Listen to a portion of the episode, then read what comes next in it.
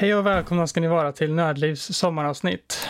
Medverkande idag är jag, Jesper, Niklas Hallå. och på återbesök vår käraste Louise. Hallå! I detta avsnitt ska vi prata om The Legend of Zelda-serien som faktiskt nu fyller 35 år. Eh, och eh, vi kommer att gå in på lite av våra egna erfarenheter om serien och kanske även ta upp lite, lite om vi ser fram, fram, hur framtiden ser ut för The Legend of Zelda. Eh, och ja, jag tänker att eh, Louise, eftersom att du eh, är den som säkert har haft koll på Zelda längst utav alla, Oh. kan väl eh, börja, och, eh, börja prata lite om hur du kom in på eh, och lärde känna The Legend of Zelda. Jag måste bara snabbt säga att du sa inte längst av oss, utan längst av alla. I hela Ja. världen. Ja, det, jag menade längst av oss såklart. Ja, jag förstod det. Ja, kan bli så när man är eh, ny på att introducera poddar. Men, Ja, precis. Det är sommar och varmt också, du vet. Och, ja. Ja, ja.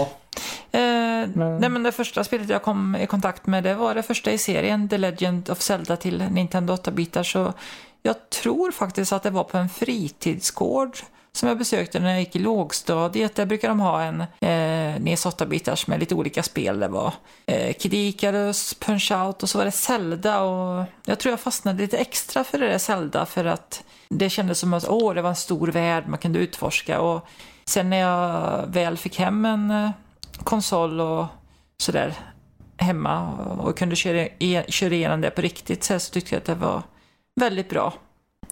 Och eh, sen ett par år senare så kom ju uppföljaren då, The Adventure of Link och det ägde jag inte själv till en början utan det var en klasskamrat. Det var ganska många ändå tyckte jag som hade Nintendo 8-bitars i klassen och sådär. Eh, så då lånade jag det och eh, ja, jag tyckte det var ganska bra. Så det var svårare, eh, kanske inte lika bra men tyckte det var kul ändå. Jag vet att många så här, har pratat ganska illa om The Adventure of Link. Eh, fast det har ändå en speciell plats i mitt hjärta. Inte minst musiken som är väldigt bra tycker jag. Så att eh, det var väl, väl min inkörsport till Zelda-världen. Ja, eh, själv när jag testade The Legend of Zelda 2 eller Adventure of Link så eh, eh, ja, jag testade på någon sån här NES Classic tror jag och jag typ tappade bort mig direkt i det spelet. Alltså, Mm. Det kändes verkligen det var väldigt mycket svårare än eh, de andra Zelda-spelen jag spelade. Men jag kan förstå att man har, eh, om man ändå är det bland de första Zelda-spelen man spelar så kan jag tänka att det ändå har en speciell plats i ens hjärta. Typ. Eh, Ja, men absolut. Själv var där det är ju liksom eh, random encounters och sånt. Ja, det var ju mer av ett RPG, Mm. eh, typ Final Fantasy-stuket. Fast Ja, du hamnade i en sån här sidoskrollande miljö där du mötte fiender och sånt och Ja, man ju, gick från eh, stad till stad och lite sådana saker. ja, kan ju Eh, levla upp allt möjligt. mhm. Ja, det var det ju bra att göra om man skulle ha någon chans att komma vidare. Sen tycker, Ja, precis. sen tycker jag att det är lite kul också att det var ju i Adventure of Link som vi första gången fick bekanta oss med modets trekraft också. Mm. Mm. Att från början eh, så var det ingen självklarhet att det skulle vara tre stycken trekrafter utan det, Triforce var väl mer att det var liksom en, ja, en trekantsformad kraft liksom. Och det, eh, I första spelet så var det ju Wisdom som man skulle samla ihop och Ganon hade st- styrkans trekraft. Och sen i andra spelet så skulle ju eh, Link eh, visa att han var värdig att få tag på modets trekraft för att kunna väcka eh, original-Zelda från den här sömnen. Och sen är ju Ganons hantlangare ute efter att döda Link för att återväcka Ganon, men eh, man stöter ju aldrig på Ganon i andra spelet egentligen så. Förutom i eftertextskärmen om man dör då, liksom att Ganon är tillbaka. Men eh, sista bossen är ju, ja, Links skugga och han ska visa sig värdig att få eh, modets trekraft. Det tyckte jag var lite kul också. Ja, det Ja. började ju med... Eh, de visste inte riktigt kanske vad Zelda skulle ta för riktning på den tiden heller, men de gick ju tillbaka till det gamla, eh, det gamla formuläret, om man ska säga, i tredje spelet där med Link to the Past. Blev det mera som i Zelda 1, fast kanske mera fokus på en story och mer liksom en konkret struktur i hur man ska ta sig an saker. Ja, verkligen. Eh, Allt, allting Ja. blev ju mycket bättre i eh, A Link to the Past. Det var ju, det var ju där liksom serien tog fart på riktigt. Innan mm. så var liksom, ja men Zelda, jag har spelat Zelda, det är väl kul att säga liksom, A Link to the Past, oj, nu är det här en grej liksom, nu är det liksom, ja, någonting att, åh, nu längtar jag till alla Zelda-spel, så här, liksom, nu vet jag att det, nu är det på riktigt liksom, nu går, nu går de in för det här. Ja. Ja, det funkar lite som eh, när man fick samma känsla av det som när man spelade Super Mario 64 första gången. Bara oj, 3D-grafik hemma, vad händer? Ja. Ungefär. Mm, det var väl eh, mycket revolutionerande. Det går ju så, har gått så snabbt med utvecklingen av spel. Alltså att gå från först så här 8 bitars till 3, 64 eh, bitar och allt möjligt som, och nu har vi då 4K, 60 FPS och allt möjligt i eh, moderna spel. Det har verkligen gått snabbt. Hur många bitar har vi nu egentligen? Vad är vi uppe i egentligen? 4K blir det väl 4000 bitar? 4000 bitar. Ja, nu är det klart. Just det. ja, jag antar det är typ pixlar, ja. eller vad man ska säga. Det lät ju logiskt. Ja, eh, lite intressant för själv så kom jag inte in i serien. Mitt allra första jag klarade ut var faktiskt eh, Wind Waker. Mm. Eh, och det var inte vanliga Wind Waker, det var Wind Waker HD faktiskt. Mm. så jag är väl mycket, jag är mycket yngre i Zelda-serien än, eh, jag tror egentligen någon av er är, om jag vet rätt. Eh, började dock med eh, Ocarina of Time, eh, körde lite grann, men jag var så ung då så jag eh, kunde knappt eh, komma någon vart kändes det som för eh, jag tror det var någonstans eh, man skulle göra något eh, quest som jag fastnade på, men jag kommer inte ihåg exakt var det var i spelet. Jag tror det var när man skulle eh, träffa Zelda första gången, när man skulle göra något mm. Eh, stealth-segment som jag fastnade för när jag var yngre. Sen gav jag upp där. Men eh, sen kom jag tillbaka till Wind Waker och då fastnade jag riktigt för den här uh, utforskarkänslan och glädjen av att uh, segla runt på de öppna haven och hitta skatter och uh, söka för sin svunna syster ju som man uh, gör i det spelet. Mm. Och än idag så är det mina favoriter i serien. Tycker att det, håll, det håller sig väldigt bra i tid och grafiken i det spelet åldras ju verkligen bra. Även om man kör det i modern, på det moderna sättet eller på det gamla sättet. Ja, så det åldras bättre än något annat i serien. Om man mm bara ser till det visuella. Ja, och sen tycker jag även att uh, spelmekaniken och gameplayet ändå håller sig väldigt bra också. Mm. Uh, den här öppen världsgrejen är ju väldigt populär idag bland uh, andra spel också. I Wind Waker så använder de inget hav.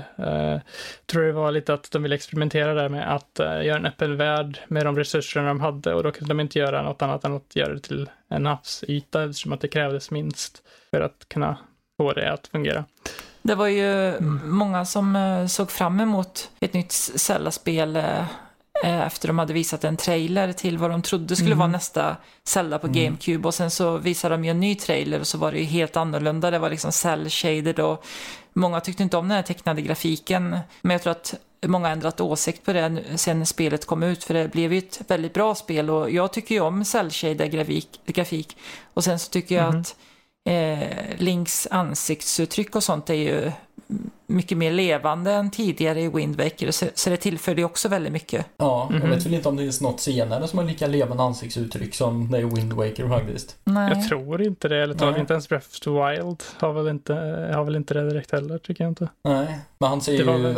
väldigt överspelade och väldigt enorma men, och använder alla ansiktets så kallade muskler. Mm -hmm. Kan man inte säga att han har kanske, men men han använder verkligen hela ansiktet för att uttrycka någonting. Så det är väldigt, väldigt tydligt. Mm. Ja, det är någonting de kunde göra med just den grafiska stilen också. Att verkligen tycker att nästan varenda, de flesta karaktärerna i det spelet har ändå väldigt snygga ansiktsuttryck. Då man mm. kan ju känna deras, se deras känslor och hur de uh, beter sig. Och, och hur Link blir chockad och sånt när han ska uh, skjutas iväg i den där kanonen till Forsaken Fortress ja, där i början. Ja. Han blir helt, eh, helt uh, livrädd. Typ. Det kan man verkligen se i hans ansikte där med. Och det, ja. Kanske att Skyward Sword har ganska bra ansiktsuttryck om mm. jag minns rätt också. Men det är inte alls på samma nivå i alla fall. Uh, med Bruce där och uh, hur han ter sig. Han är ju lite komisk i det. Uh, och sen uh, tycker jag väl även att kanske Wind Waker har bland den bästa musiken i hela serien också, vad mm. de har kört. Uh, väldigt många ikoniska musikstycken som till exempel Dragon Bruce Island. Mm. Och um, det huvud, huvudtemat där i menyerna med uh, ja, huvudtemat helt enkelt. Ja, precis. Om man då ska fortsätta prata om ljudbilden i just Wind Waker så de där tonerna som blir när man slår. Mm. De är ju helt underbara faktiskt. Ja. Det vet väl inte riktigt om de har återvänt till så mycket. Nej. Det hade varit lite kul om man skulle få en uppföljare till det. Bara för Ja. att se vart det tar vägen. Det kommer ju faktiskt två uppföljare till Wind Waker typ. Ja, och precis. det är ju då Phantom Hourglass och Spirit Tracks Mm. som eh, jag har inte kört så mycket av de spelen. Det är till DS. Eh, och de, i alla fall Phantom Hourglass tar ju vid precis där eh, Wind Waker slutar. Eh, och eh, Link ger sig ut på ett till havsäventyr. Men eh, det är inte alls på samma sätt som Wind Waker, för här använder ju DS-skärmen för att styra med eh, den här stylusen och så är det ett tempel du besöker typ 30 miljoner gånger, eller vad det nu var. Mm. Eh, och lite sådana saker. Eh, Jag tyckte att bortsett från, bortsett från det tråkiga templet så tyckte jag att det var ett riktigt bra spel. Och, ehm, jag tyckte det fungerade ypperligt med stylusen, nästan bättre än förväntat.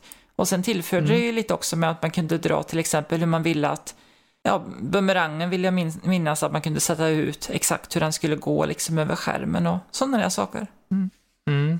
Körde ju Spirit Tracks faktiskt. Jag har inte kört just Phantom Hourglass, men Spirit Tracks körde jag. Och då körde jag faktiskt eh, Wii U Virtual Console-versionen. Som Mm. det. Eh, och eh, jag tyckte det fungerade ganska bra. På Wii U var det ganska jobbigt med eh, en sak. Man använde ju en eh, panflöjt i det spelet för att spela musik för att ta sig vidare till vissa ställen som till exempel Ocarina of Time, Ocarina eller liknande. Mm. Eh, och det var jättejobbigt på eh, Wii U-plattans eh, mikrofon för den var så långt dåligt placerad så man fick verkligen typ ta i allt man orkade när man skulle spela det. Det var speciellt i sista låten där man skulle spela något stycke där i slutet av spelet som är ganska långt. Jag var helt röd i ansiktet efter den. Wow. Men, Men, på eh, att bli dyrt också. Ja, Och sitta och det, på den. Ja, ja, men eh, utöver det tycker jag att Spirit Tracks är en av de eh, mest unika titlarna i serien i alla fall. Att man, den världen där de har byggt upp är ganska intressant tycker jag med att, eh, karaktärer och sånt och även musiken i det här spelet när man åker runt där på eh, den här eh, tågrälsen och tuffar förbi eh, och sånt. Sen tycker jag väl även att eh, jag har väl inte så jättemycket problem heller med den här stylus-grejen. Eh, det är ju samma, lite samma sak dock som i eh, Win, eller som i eh, Phantom Hourglass, att man besöker ett ställe om och om igen. Eh, vilket är lite segt kanske, men eh, de vanliga templen och sånt tycker jag är riktigt nice. Mm. Eh, Kul att Zelda ja. får en eh, större roll också. Ja. ja, det är kanske inte en jättestor spoiler, men eh, hon är ju, hon kan ju hon är ett spöke i det spelet. Hon kan ju eh, ta kontroll över statyer som hjälper Link. Eh, speciellt då i det här templet som man åkte besöka, det här eh, stora tornet. Eh, då kan ju hon användas för att eh, ta sig runt där och lösa pussel åt och sånt. Och det, är lite, det tycker jag är en intressant mekanik ändå. Intressant koncept. Eh, sen har vi väl då, efter de spelen så kom ju Twilight Princess och då fick vi ju se den här stilen igen som alla har längtat efter från den första trailern till GameCube. Eh, med det här mörka verkligen och lite mer Ocarina of Time-hållet. Mm. Fast kanske, jag skulle säga att Twilight Princess är inte det mörkaste Zelda-spelet. Eh, det skulle jag säga är Majora's Mask. Mm. Eh, när det kommer till tematik och sånt i alla fall. Eh, men det är ju, det är ju mörkt i färgkontraster och sånt. I alla fall. Ja. Nästan så att det är lite dimmigt mer. Det är, Ja. det är inte så jättetydliga mörka färger förutom, vad heter de där demonerna? Eh, de där, ja, jag vet vad du Ja, menar. någonting med Twilight säkert. Eller Twilight-portarna och sånt, de är ju liksom tydligt kolsvarta med lite rött i eller Mm. vilken färg det nu är. Men annars så... man Heter de inte Twilight? Ja, kanske. Ledsen. Tror jag typ något sånt. Ja. Ja, ja. Men uh, utöver det så ser ju världen, den är ju ganska beige i färgerna liksom. Den är ganska Ja. nertonad. Väldigt brun och... Ja. Ja, precis. Det ser Mm. väldigt, väldigt öde ut. Ja, Ja, det, det är det ju. Och det känns ju att det är upp, uppdelat i olika delar också, världen. Mm. mhm. det är väldigt Ocarina of Time på många sätt tycker Mm. jag. Eh, med det. För jag tycker Ocarina of Time också har den här ganska tydliga uppdelningen med det här med här är Soras och här är Goron så här är den här grejen och sen är den här grejen. Mm. Ja. Och det är lite samma sak i Twilight Princess tycker jag. Eh, dock har ju Twilight Princess i min mening den bästa kompanjonen i hela serien. Jag tror Ja. att de allra flesta håller med om det. Midna är ju verkligen eh, bra på. eh, hennes karaktärsutveckling i det spelet är ju kanske bland de bättre i hela serien tycker jag. ja, verkligen. Och inte minst hennes eh, låt. När hon har blivit lite skadad. Ja, den ja. ja. Midnas Lament heter den väl? Mm. Ja. Oerhört skön. Jag tycker om Twilight Princess, ehm, fast jag har lite kluna känslor också inför det. För att det finns vissa saker jag älskar med spelet, sen finns det vissa delar som jag inte alls tycker om. Till exempel, det har, eh, det här Zelda-spelet har några av de bästa, vet du, slotten, typ så här tycker jag. Mm. Eh, jätteroliga så här power-ups eller liksom föremål som den här double claw shot och mm. grejer sådär. Men sen så vill jag minnas att när man kommer till ett nytt område då ska man hålla på med vargen och jag, jag vill liksom bara kunna bli Link och kunna utforska fast det, fast det dröjer varje gång man ska samla sådana här tårar eller droppar eller vad det är och liksom. Ja, just det. Ja. Eh, och attackera de här ja, skuggorna liksom och gör man det på fel sätt så får man börja om så, här, liksom, så att alla klarar sig av samtidigt. Mm. Och det är någonstans man är ute i skogen sen eh, eh, ska jaga den här som blåser i en trumpet eller vad det är och så kommer det fram massa nya fiender och, och så det är pusslet innan eh, mästarsvärdet när man ska flytta de här statyerna i rätt ordning och Ja, mm. den ja. Den ja. Eh, tog mig i, i, ganska lång tid att klara av vad jag minns rätt. Den var riktigt... Ja, så, så att det, eh, det finns både bra mm. och sämre delar med det tycker jag. Ja, verkligen. Jag håller verkligen med dig där. Att, eh, jag tyckte verkligen att höjdpunkterna var ju när man var Link, helt klart. Mm. För eh, i alla fall de tre första templen, eller vad det nu är, tror jag. Eh, man måste byta över till Wolf, Link och typ gå igenom och samla de här tårarna. Och det, den grejen tar de ju tillbaka sen i Skyward Sword. Och det är väl mina minst favoritdelar i det spelet också, där när man ska eh, samla de här eh, dropparna eller vad det nu är för att eh, i de här Silent Realms eller vad Åh, det tyckte jag var lite läskigt. Man kan bli jagad ja. om man går på sån här fel vattenpöl eller vad det är. Ja. Ja, de tyckte jag var typ Eh, bland de jobbigaste delarna i hela Skyward Sword, ärligt talat. Men det känns ju som typiskt Nintendo att göra någonting bra och mm. så ska de... Men vi måste lägga till något dåligt också. Ja, precis. Ja. För att balansera upp det. Mm. Att ingen bara ja. kan fullständigt älska det de gör hela tiden. Nej, men jag håller nog med dig där om att uh, templen är riktigt nice. Jag tycker verkligen mycket, jag tycker mycket om den här uh, snötemplet i spelet. Det är mm. när de tar en liten annan riktning med hur ett tempel ska se ut i struktur. Mm. Eh, där man ska ta eller ge ingredienser till den här jättin och hålla på. Och så märker man att det här kanske inte riktigt är som man tänkt och så blir det lite andra saker som händer där. Är det där man får den här eh, ball chain eller vad den heter också? Ja. Den här enorma metallkulan. Den är kul. Den är kul. Ja. Det är den verkligen. Ja. Och på tal om att eh, det var lite läskigt i den där Silent Realm. Man kan ju minst sagt säga att hon, ja, frun i familjen, eller hushållet åtminstone, hon blir ju fruktansvärt obehaglig i slutet. Och det oh, templet ja. i alla fall. Ja, där med bossen ja. där och hon eh, transformeras typ ja. och grejer. Det är nästan lite skräck, eller så här Resident Evil Village eh, mm. känsla när man tänker efter. Eller? Ja, faktiskt. Du har, ju, du har ju kört Resident Evil Village, du kanske kan uh, hålla med där Niklas. Ja, men precis. Men där utvecklar de sig ju lite, eller de fläker upp sig. och mm. typ upplöser hela sin form. Det blir väl lite mm. liknande med henne fast de, ja, eftersom det är Nintendo så kan man ju inte säga att hennes bröstkorg bara vänder sig ut och in. Och det hänger inälvor mm. överallt och sånt. Men, men visst, lite liknande tendenser finns det där. Absolut. Uh, vilket var ditt uh, första Zelda-spel Niklas, eller sa du det? Nej, det sa jag inte. Men nu så här typ 15 minuter senare så då är det väl dags att gå in på det. Uh, jag är ju född 93 så det borde ju rimligtvis ha varit Ocarina of Time. Men så har jag två mm -hmm. systrar som är lite äldre än mig. Och de hade ju ett NES. Och de hade ett guldigt spel till det som jag tyckte såg väldigt häftigt ut. Så mm. mitt första var faktiskt Adventures of Link. Oh. Ja, oh. ganska otippat faktiskt. Ehm, och jag har ju spelat igenom det, fast väldigt, väldigt mycket senare. Och ja, det är väl vad det är, ungefär. Mm.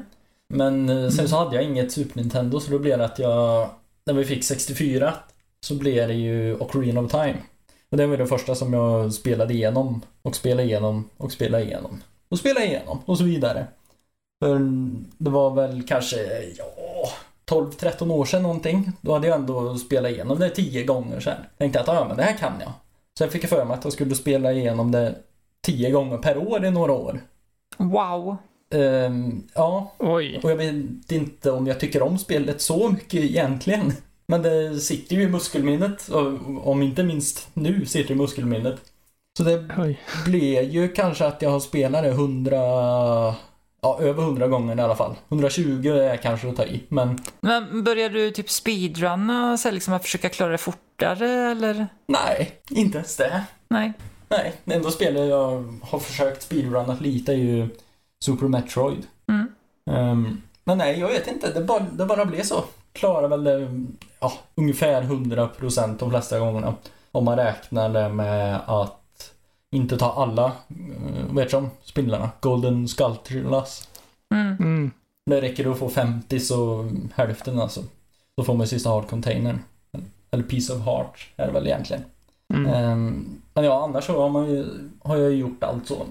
Ja. Nej, annars så kan jag tycka det är kul om man har spelat samma spel många gånger att försöka klara det lite annorlunda. Som kanske A Link to the Past så insåg jag att eh, Ehm, jag måste inte klara bossarna för att liksom, jag, jag kan gå, gå, in i slott och så kan jag liksom ta det här föremålet så jag kan gå vidare i spelet utan att klara hela slottet. Och till slut så måste jag väl återvända men man kan variera liksom att testa gränserna. Hur långt kan jag nästan fuska mig till utan att ha gjort som spelet har tänkt att jag ska göra. Och jag har lärt mig en sak varje gång nästan och det är att jag vinner aldrig någon tid på det, egentligen. Ja, nej, men lite så har jag gjort i Ocarina of Time också. Typ ta vattentemplet för eldtemplet och mm. spirit temple för shadow och sånt. Men mm. det är ju, ja, det är ju inga sequence breaks jag håller på med direkt. Just kan man ta spirit temple för shadow? För jag har man behöver ha något man behöver väl ha hoverboots? Nej, man måste inte ha dem, men det underlättar. Mm. Um, men, ja. Mm. Det blir inte supersvårt utan heller. Vid något enstaka tillfälle så, men då kan man typ använda longshoten istället. Tror jag. Om jag kommer ihåg rätt. Ja. Men den har ja, man i alla bara... fall även om man skulle ha, ha uh, hoverboots där så. Jag tänker på det du säger med att klara om spelet flera gånger och testa gränser och sånt så tänker jag ju mest då på Breath of the Wild möjligheten att göra det i det. Mm. Uh, för det är ett spel som man uh, verkligen kan utnyttja fysiken och sånt i för att kunna ta sig an spel på väldigt många olika mm. sätt. Och, uh, så, men jag tror, antar att de flesta andra Zelda-spel kan man göra så också i. för de har ju ändå lite så. kanske Ocarina of Time då mest eftersom att jag vet inte om det är så mycket andra, i alla fall av de fredliga Zelda-spelen, så man kan välja lite så själv vilken väg man vill ta när det kommer till vilket tempel och vilken ordning och sånt. Ja. Eh, men man eh. måste väl ta... Nej, man måste inte alls ta Forest Temple först. Tror jag. Måste man Nej, inte? men man måste ha uh, från Graveyard. Där. Vad heter det? Mm -hmm. Oj, nu tappade jag namnet på byn. Kakariko. Ja, precis. Tack.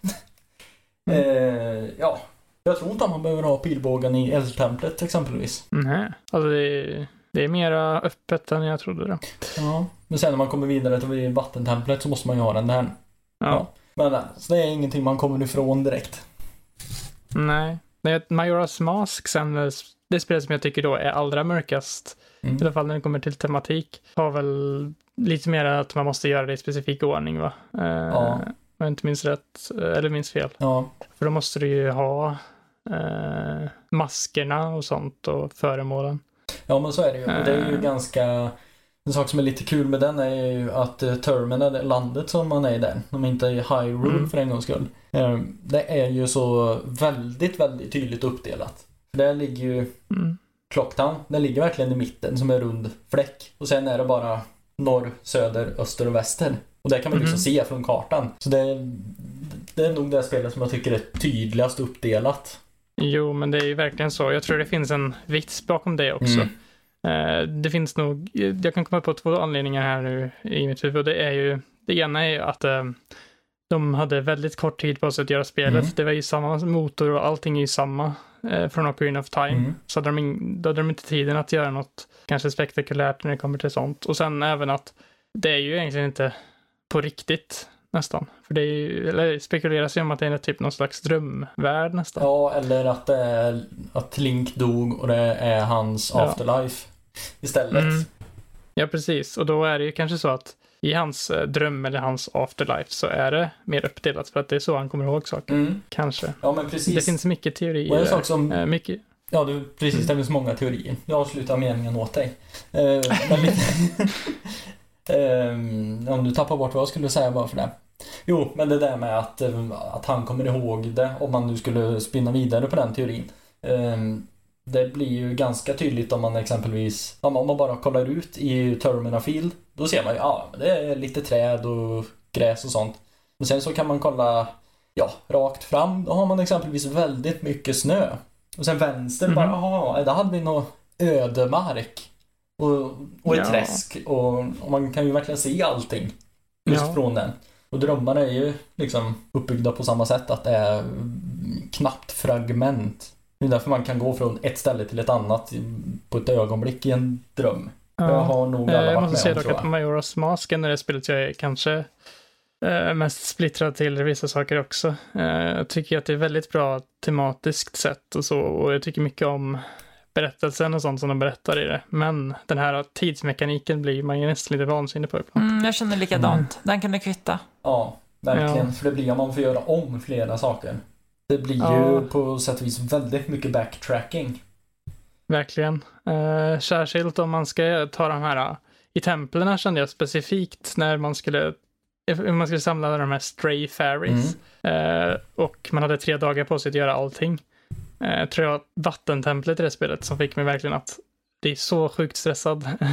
För uh, jag tappade bort mig typ om och om igen uh, i det templet och så skulle jag försöka ta alla de här så jag hade typ så här i typ nästan bara några sekunder kvar innan jag skulle få game over. Innan jag klarade den någon gång var det verkligen så här. Usch. Vattentemplet ja. är man faktiskt inte så mycket emot. Det är, mm. Men däremot är Stone Temple heter det va? Stone Tower, Stone Tower Temple. Temple, ja, precis. Den tycker jag är fruktansvärt jobbig.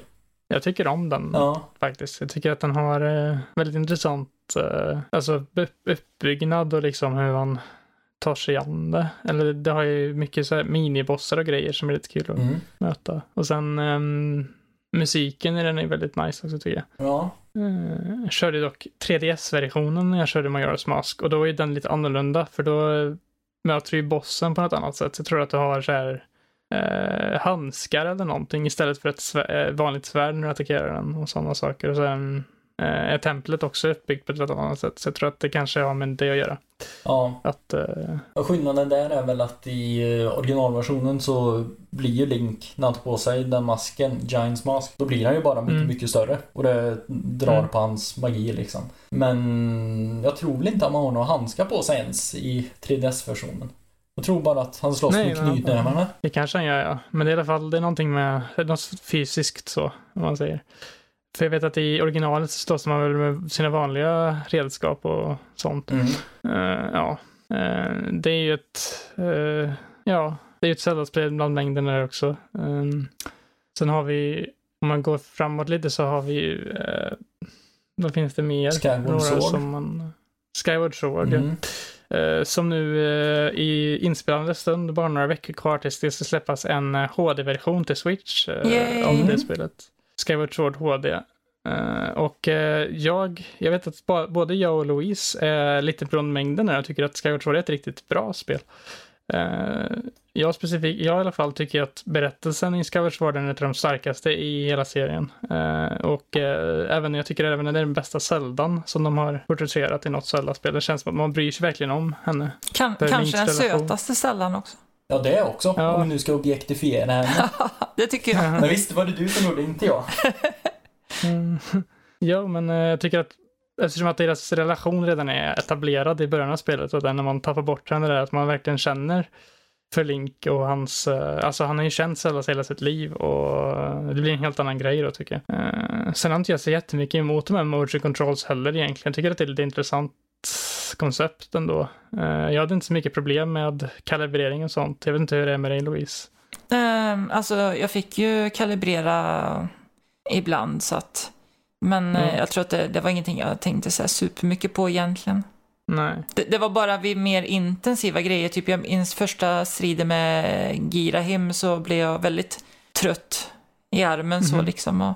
Ja, Jag måste erkänna att jag hade verkligen ingen aning om jag skulle möta Gerahim första gången. Så äh, jag var fast där ett tag, om jag minns rätt. För att man ska typ attackera honom från äh, motsatta håll där han håller handen eller någonting. Mm. Så ska man attackera hans hand. Och det finns typ ingen, tyckte inte det fanns någon riktig indikation på hur man skulle göra det. Så ja, men det blir lite så att varenda fiende blir ett, blir en, ett eget pussel i sig. Mm. För du måste ju lista ut hur du ska ta sig an deras eh, svagheter och sånt. Det skulle intressant att se hur de har byggt upp det i Skyward Sword HD tycker jag med att man kan köra med traditionella kontroller och hur det översätts till uh, i det här spelet. Ja, jag är också väldigt nyfiken på hur uh, Joy-Cons kommer kunna hantera det här. Ut, om man behöver kalibrera ännu mer eller mindre och sådär. Förhoppningsvis i stort sett inte alls. Nej. Nej. Jag tror att det kommer funka riktigt bra faktiskt. Ja, det tror jag med. Ja, eh, och sen eh, stora frågan då, eftersom att eh, Fai säger att batterierna är låga i Wii-versionen. eh, säger hon om det driftar ja, precis. en kontroll ja, just? Eller? Nej, jag har bara sett den memen lite ja. på internet. En liten skojgrej. Uh, för det är många som har haft, just det med Fai, att hon är jobbig med hennes uh, konstanta meddelanden och sånt. Jag tyckte om Men, henne. Ja, jag tycker att Fai också är, speciellt i slutet, jag typ nästan börjar gråta när den här melodi börjar spelas. Nu spoilar vi inte här. Nej, vi har ju redan spoilat ganska mycket i spelen ja. jag. Ja, jag menar med ett tio år gammalt spel. Ja, jag tänkte mest jag, för att det är en HD-version kommer ja, nästa månad. Ja, just det. Ja, jo. Men jag ska inte säga mer än så om det då. Men uh, det finns uh, mycket nice om uh, Fi där. Uh, tycker jag. Uh, jag läste någonstans att Nintendo skickar ut något så här meddelande om uh, lite saker som ska ändras i spelet. Och det skulle vara vissa saker de hade tagit ner lite på. Så jag antar att de har försökt, ha minskat hur mycket Fi kommer fram i meddelanden och sånt. Mm i HD-versionen. Men jag tycker det är väldigt skumt att de inte har marknadsfört det mer. Mm. Ja. För att det känns som att deras marknadsföring inte alls visat så mycket nytt till den här, utan det har liksom bara varit gamla scener och gamla grejer. Uh, ja, men det är väl lite så uh, de har valt att göra. Sen eh, efter Skyward Sword släpptes eh, så kom ju eh, ett nytt, eh, gick de tillbaka lite till rötterna av eh, Link to the Past och, och gjorde Link Between Worlds mm. till 3DS. Eh, och det tycker jag mer om än uh, Link to the Past ja, eh, personligen tror jag. Jag tycker att det är en väldigt intressant mekanik där att man kan gå in i väggar och eh, använda sin eh, sån här mirror-grej, eller vad den heter, eller så här painting ja. ability för att eh, göra saker och sånt. Jag tycker att det är, ja, det är lite svårt att sätta ord på varför det är bättre, men jag tycker att det är, ja, ett riktigt solitt Zelda-spel. Eh, som jag vet att många andra också hyllar. Mm, ja, det är bra. Ja, jag skulle nog kanske hålla det som topp 5. Jag tycker väldigt, väldigt ja. mycket om det. Ja. För det blir ju ganska Ja, det är väl lite som såklart uh, Link to the Past också eftersom det är så väldigt rätt fram. Det är mer, ja, mm -hmm. nu har du startat spelet, kör. Det är mm -hmm. det första man ska göra, ja, lite samma sak där bara. Gå och träffa någon jo. gubbe och lite allt sånt. Och på tal om att man att... inte behöver göra saker i ordning. Ja, i alla fall i början behöver man göra det lite ja, grann. Jo, jo. Eh, de första tre templen eller vad det mm. är. Och sen när du kommer till eh, det här Low Rule som det heter, det är egentligen inte Dark Realm eller vad det heter i utan i Link to the Past heter Low Rule. Och i Low Rule kan du göra exakt allt, alla tempel i vilken ordning du vill och du kan skaffa föremål för att kunna göra alla i vilken ordning du vill och sånt. Så det blir lite så här, kanske var lite av ett experiment inför vad som komma skall i uh, ja, Breath of the Wild som vi snart kommer till. Men jag tänker att, uh, har någon av er kört Triforce Heroes som kom efter det? Japp, det har jag gjort. Nej, det har jag inte gjort. Vad tyckte du om det Louise? Eh, jag var inte så förtjust i det. Man kan ju spela själv men tanken är att man ska eh, spela med andra sådär och lite småkul men det är ju annorlunda på det sättet att man ska styra flera och eh, klättra på varandra för att lösa vissa pussel och sen så var det mycket om kläder och mm -hmm. det var mycket i det spelet som jag tror inte jag spelade klart det för att det var, det var något med mekaniken som inte föll mig i smaken riktigt. Nej. Det är samma här. Eh, jag håller nog med dig mycket av det du säger nu, för eh, jag försökte köra det, försöka hitta någon att köra det med online. Det funkar typ inte alls, det kommer ju ingen som vill spela med en typ. Och sen försökte jag spela det själv och det är jättebökigt att kontrollera alla tre links mm. på egen hand. Eh, och sen den här berättelsen höll mig inte alls engagerad kände jag med typ den här prinsessan, hon har blivit av med sina kläder. Åh, vad hemskt, du måste rädda henne. Eller vad det var. Uh, det är väl lite unikt i det sättet. Uh, har väl en liten unik charm kanske, om man tycker det med hela den här grejen. Men uh, ja, det faller mig inte alls i smaken. Nej. så det var tur att de släppte spelet som kom härnäst och det är inget mindre än 2017 års Game of the Year Award-vinnare Breath of the Wild. Ett revolutionerande Zelda-spel som tar på alla konventioner Zelda tidigare haft och går tillbaka lite till grunden i The Legend of Zelda 1. men tar sig an ett helt nytt, nytt stuk med den öppna världen och utforskar till din eget, till ditt hjärtas våg, eller vad man ska säga. Mm. Och eh, ja. Men det, har jag spelat det spelet? Vänta, jag måste tänka efter. Jo, men det har jag gjort. Jag har klämt ja, lite eh, på det som man säger. Mm. Några timmar. Eh, eh, ja, pulsen på typ den. Eh, var det inte bara typ, ja, det var inte så jättemånga timmar du hade spelat, det var typ så 700-800? Ja, någonting sånt.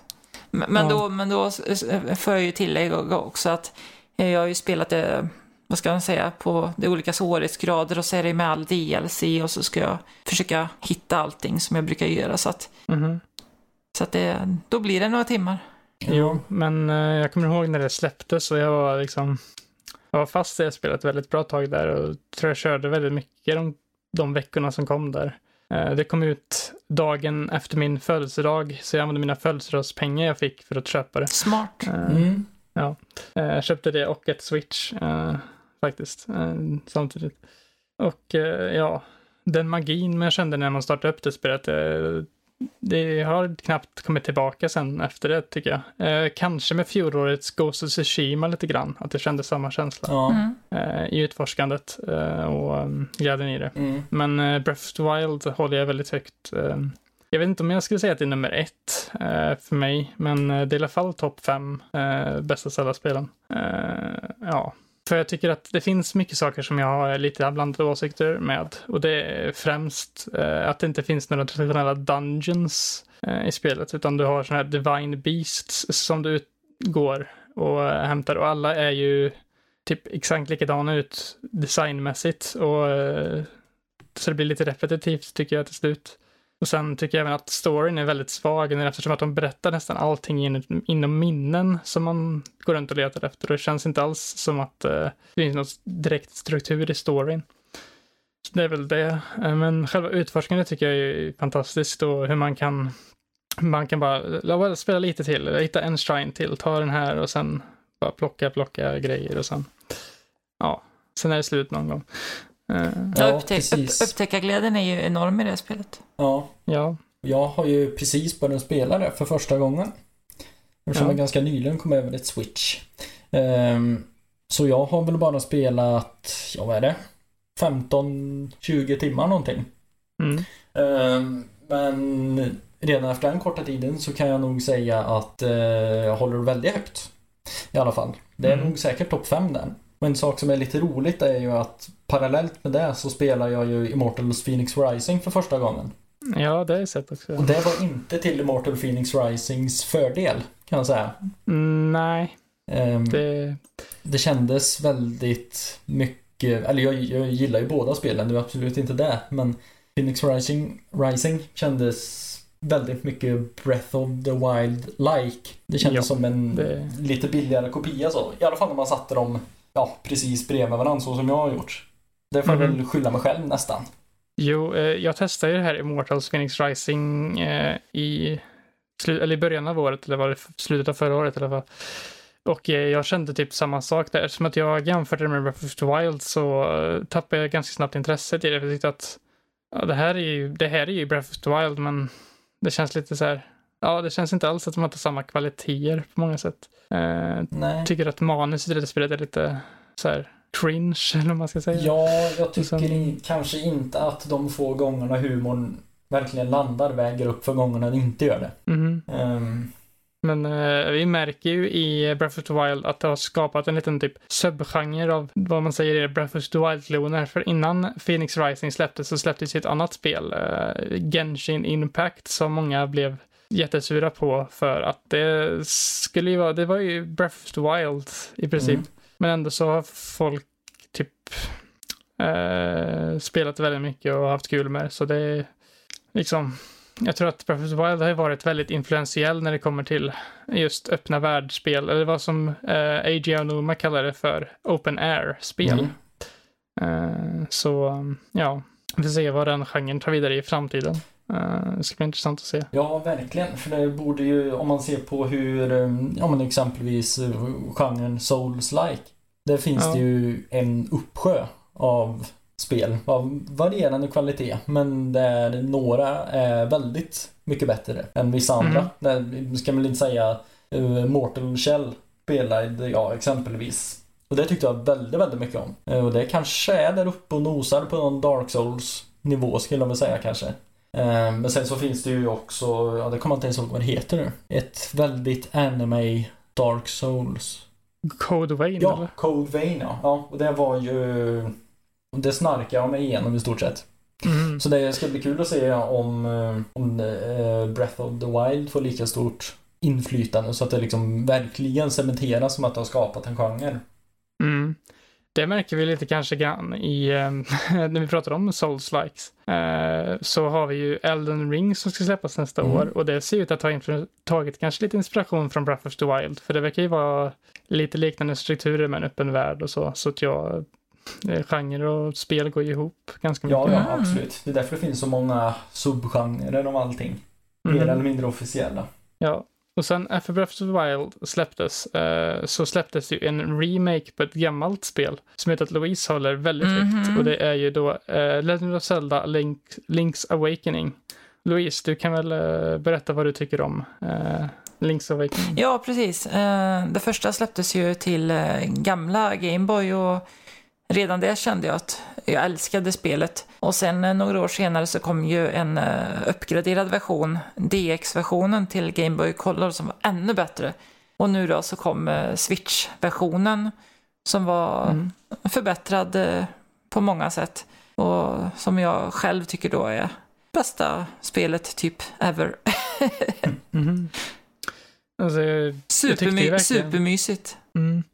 Jag körde det för första gången då på Switch. Eh, jag tyckte att det var väldigt, eh, väldigt bra för sin tid och att hur det hade översatt till från ett Gameboy-spel till ett Switch-spel. Mm. Och det kändes ändå som att de, alltså den hade ju fortfarande alla kvaliteter av Zelda-spel som är på konsol om man säger så, på lite mer kraftfull hårdvara. Ja, jag tyckte att berättelsen var väldigt mysig i det spelet också.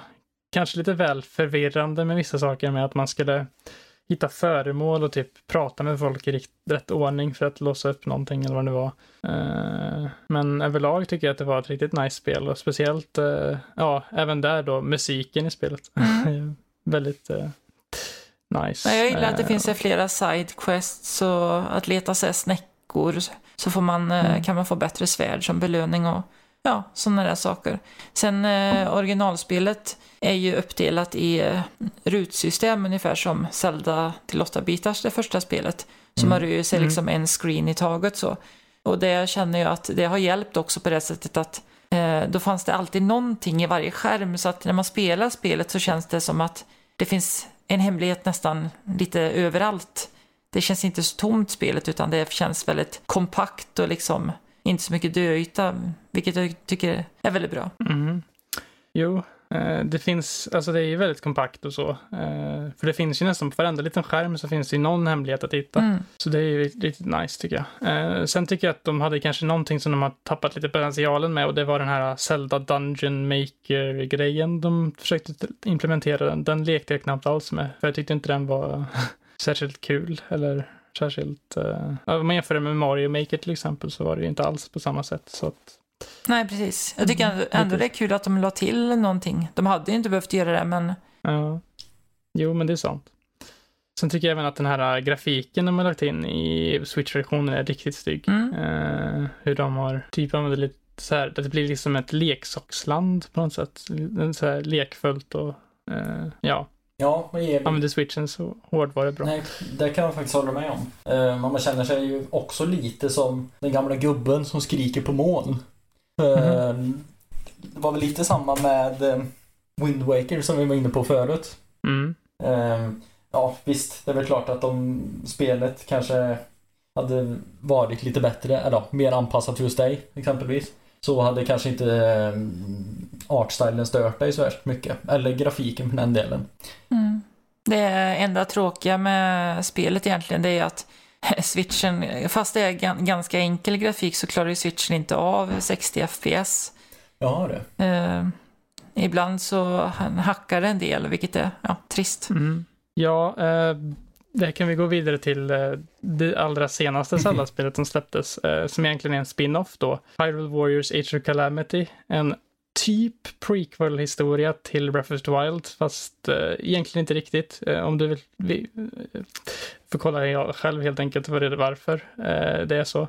Men det spelet har ju extrema framerate-problem på switchen, så man kände så här bara, uh, det här skulle inte köras med vanlig switch, det här är för switch pro va? Eller någonting. För det kändes som att, speciellt i vissa områden, eh, så var det verkligen så här, det gick ner till typ 15 FPS eller något. Eh, kändes inte alls bra. Eh, märkte även det i Breath of the Wild ibland, när man i början där, eh, så vad heter det, när man ska gå ut på gräset där så blir det väldigt eh, hackigt. Och även området kring eh, Mästarsvärdet där bland de här ja. korokvarelserna. Ja, det är mm, lite synd för man märker ju switchens äh, brister där, även om överlag Breath of the Wild flyter på ganska bra tycker jag. Mm. Äh, men det var länge sedan jag körde Breath of the Wild också, så att äh, men inte exakt hur bra det flöt på, men ja. Men det flyter ju på var... oväntat bra får jag ändå säga. Ja. Både mm. som uh, dockad och handhållen. Mm, uh, jag hade förväntat mig lite mer frame drops faktiskt. Uh, ja. Det var väl kanske inte så eller jag har ju sett spelet innan och spelat någon gång så det är ju inte det men jag förväntar mig kanske inte att det skulle hålla så pass stabilt som det ändå gör. Det är en glad överraskning. Med tanke på mm. att det ändå är en Switch vi pratar om. Tekniskt sett är det ett Wii U-spel, eh, ja, Breath of the Wild. Precis. Som de har eh, egentligen portat över till Switch och släppte det, sam släppte samtidigt till båda konsolerna, mm. precis som eh, Twilight Princess gjorde när Wii släpptes. Eh, för, visst, för den delen. Eh, så det är ju Kanske lite därför det flyter, jag vet inte hur det flyter på Wii U.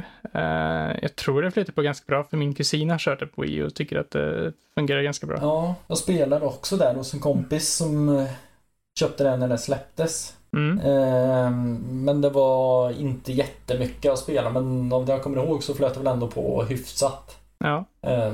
Men ja, det är väl säkert som du säger att det har någonting med saken att göra att inte håller på att lagga sönder totalt på en Switch. Mm. Jag, tror att ja, Hyrule Warriors Age of Calamity's problem är att det är så mycket fiender ja. samtidigt. För det är ett sånt här Muso Warriors-spel. Och då uh, kan det vara det som laggar på ordentligt. Uh, och inte själva, alltså för i Breath of the Wild har du ju en, två till tre fiender eller något samtidigt på en skärm oftast. Mm. då är det ju lite så. Uh, men ja, det var ju det senaste spelet i serien som har då släppts. Eh, och om vi blickar framåt i tiden så har vi ju äntligen fått ett år på uppföljaren till just The Legend of Zelda Breath of the Wild.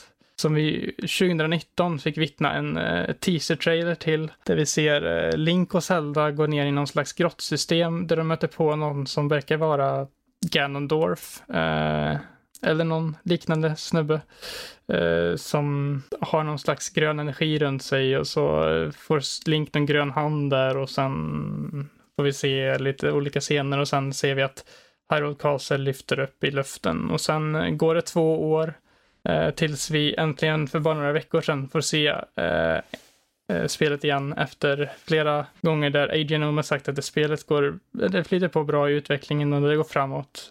Så får vi äntligen se en en och en halv minuters lång eh, trailer där vi äntligen får reda på lite mer om spelet. Eh, vi får reda på att eh, det verkar som att vi ska utfors vi får utforska någon slags eh, luftområden med någon slags luftlandskap. Det är lite som i Skyward Sword, den första framen, när man efter den här introsektionen så ser man att Link flyger ner på ett sätt som liknar Skyward Sword väldigt mycket. Mm. Och sen, ja, det är fortfarande väldigt vagt, eh, det spelet, om vad som kommer komma i det. Ja, det känns, Men, känns mer som en teaser än en riktig trailer egentligen. Ja, ja faktiskt. Det känns så väldigt... Det känns så väldigt segmenterad och uppdelad på något sätt. Att det är så väldigt ryckigt och mycket, och mycket klipp. Samtidigt så får man ändå se en del mekaniker och sånt som man kanske kan argumentera för att det är en trailer ändå. Mm. Mm. De har ju dock gett ett, eh, ett år på spelet och det ska enligt plan i alla fall släppas år 2022. När under 2022 har vi ingen aning om, men vi har ändå att det ska släppas då. Vilket i min, med, mina öron låter lite som, ja, det här har väldigt hög sannolikhet att skjutas upp till 2023. Mm. För det ser Eh, i den trailern de gav så kändes det som att det såg ut att flyta på bra. Det såg ju ganska färdigt ut på många sätt kanske. Men eh, eftersom att de inte vill visa så mycket så eh, kändes det som att det finns en ganska hög chans sannolikhet att det skjuts upp lite. Eh, även om jag vet att eh, jag hörde att Bill Trinnen har gått ut med på Twitter och sagt att eh, eh, vi kommer få se mer av spelet senare i år. Eh, så det kommer komma mer information då om hur spelet kommer vara.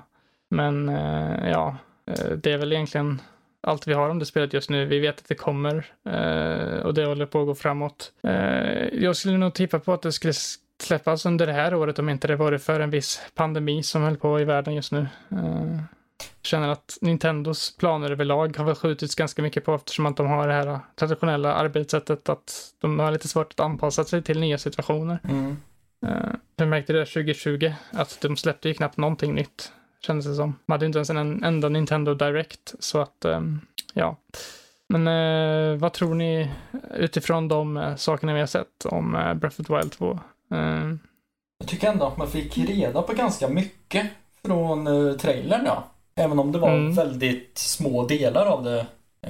Um, som att Link fortfarande är högerhänt. Antagligen ja. någonting som har med motion control att göra eftersom det hade det med Skyward Sword. Uh, och motion controls kommer fortsätta leva så kommer ju antalet Zelda-spel där Link är vänsterhänt vara en minoritet. Bara en mm. sån sak. Uh, men sen den där häftiga mekaniken där man var någon slags vattendroppportal. Där han simmade igenom ja. någon block. Om ni såg den. Uh, det spekul ja. Det spekulerades ju om att uh, den mekaniken har med hans uh, högra hand att göra. För man ser ju att uh, i en trailer att hans hand absorberas som en slags energi. Mm. Och sen ser man att hans hand är transformerad. Det ser inte ut som att det är hans hand längre utan det är någon annans eller någonting. Ja. jag tror att den kan bygga upp ganska mycket nya grejer i spelet. Um, det tror jag med. det känns säkert som att det skulle kunna vara en del av handlingen. Om man mm. ser hur Midna fungerar när man var Wolflink exempelvis. Om man mm. bara ska dra jämförelsen med en, en konstig färg på en hand som hjälper en. Det verkar ja. ju som ett av teman i spelet är ju tid. Eller kunna kanske spola tillbaka tid och uh, leka med tiden. Mm. För det med, mm. med droppen uh, som vi såg så uh, verkar ju musiken gå baklänges och det är mycket annat som känns med droppen, när, när liksom droppen går ner tillbaka, tillbaka till en pö, pöl så att säga och sådana saker. Och sen får man känslan också av att eh, man växlar mellan eh, marken och himlen och mm. kanske mellan ja. två olika karaktärer. För, för, vi ser ju Link på marken, men sen när vi är uppe i eh, himlen så ser vi inte ansiktet på den personen. Så att jag läste rykten om att det kanske är Ganon så för 10 000 år sedan, eller i alla fall en annan Link för 10 000, 000 år sedan som man växlar till. Den här som mm. är med i Breath of the Wild på ja, eh, när de berättar om vad som hände för 10 000 år sedan och så ser man ju en figur som håller upp ett svärd mot, eh, vad heter det? Ja, Calamity Ganon eller Demise ja. eller vem det nu ska vara, en, en ondska i alla fall. Mm. Att det kanske kan vara den eh, för 10 000 år sedan som utspelar sig där uppe. Och... Ja, intressant. Ja, det har jag också hört mycket om att um det ser inte ut att vara samma link på sätt och vis. Och sen eh, finns det även lite grejer i den trailern där som folk analyserar sig till. Eh, till exempel en lite intressant aspekt, den eh, musiken som spelas i början av trailern där när man får se Link eh, åka, flyga ner i luften och sånt har lite samma tematik och eh, samma struktur som eh, en viss låt från Ocarina of Time, nämligen The Song of Time. Mm. Det finns mycket likheter mellan de två. Så jag tror att det är mycket av, eh, jag tror att den, den teorin ändå har lite grund bakom sig och även att, äh, även när han sa det där med att vi skulle se mer av spelet i år så sa han även att de har en titel på spelet, men den vill de inte säga förrän de visar mer, för det är en stor spoiler om vad spelet kommer handla om. Mm. Och jag tror att det är någonting typ bla bla bla off time eller något liknande sånt. Ja. Uh, för vi vet ju från Skyward Sword, ni som har spelat det, att i Skyward Sword så var ju allting i luften typ. Och uh, alla levde typ i luften. Jag tror, jag tror att det kan vara för samma typ tidsspann eller någonting, att man åker tillbaka i tiden uh, där. sen spekuleras det även om en tredje aspekt i den här uppföljaren. Och det är nämligen att eh, vi får ju se att Zelda ramlar ner i något slags hål. Mm. Eh, många säger att det kanske är att Zelda blir fast där och vi ska rädda henne därifrån och vi vet inte så mycket om vad som händer där nere. Men det finns ju faktiskt en liten chans om att vi kommer kunna spela som Zelda där nere i det här hålet och utforska lite grottsystem och liknande. Mm. För i första trailern så är det ganska mycket fokus på underjordiska gångar och grejer. Eh, då är ju dock frågan, hur mycket klarar ett switch av att hantera? Klarar den av att hantera eh, tre olika separata områden på det sättet med en luftområde, ett liksom vanliga Hyrule och ett under marken? Ja. Det är väl egentligen vänta och se lite där. Men det finns, det finns många teorier om hur det här spelet kan ta vid och ja, om det håller att den höga standarden som eh, det första Breath of the Wild satte. Eh, och avsluta för att avsluta segmentet om Breath of the Wild 2 så finns det en annan intressant aspekt som jag kommer ihåg från en intervju för några år sedan då de sa att eh, strukturen i Breath, i Breath of the Wild 2 kan ha tagit mycket inspiration från ett annat stort open world-spel som släpptes lite efteråt, nämligen Red Red Redemption 2. Mm. Eftersom att många unga i teamet hade spelat det när de började arbeta på detta. Mm. Så det är frågan, hur har de tagit inspiration från det spelet? För jag vet inte riktigt hur mycket eh, av Red Dead Redemption 2 man kan ta i det, man, det jag har sett på nu. Men eh, det ska bli intressant att se hur de utvecklar det i det hållet. Verkligen. Eh, ja. ja. Och sen lite mer saker som hände i den trailern då. Eh, I Skyward Sword så faller ju Zelda ner i ett mörker. Och det gör den ju i den där mm. trailern också. Så det kan ja. man ju ytterligare en sak som man kan läsa in som att eh, ha med varandra att göra på något sätt. Eh, jag hoppas verkligen att Zelda har en lite större roll än man Alltså att hon har en ganska stor roll i Breath of the Wild 2, för jag kände att i första spelet så var hon bara, bara där i Carol Castle. Det kanske är en spoiler för dig nu Niklas, ja, men nej. hon är ju bara där. tror man vet det redan från början typ.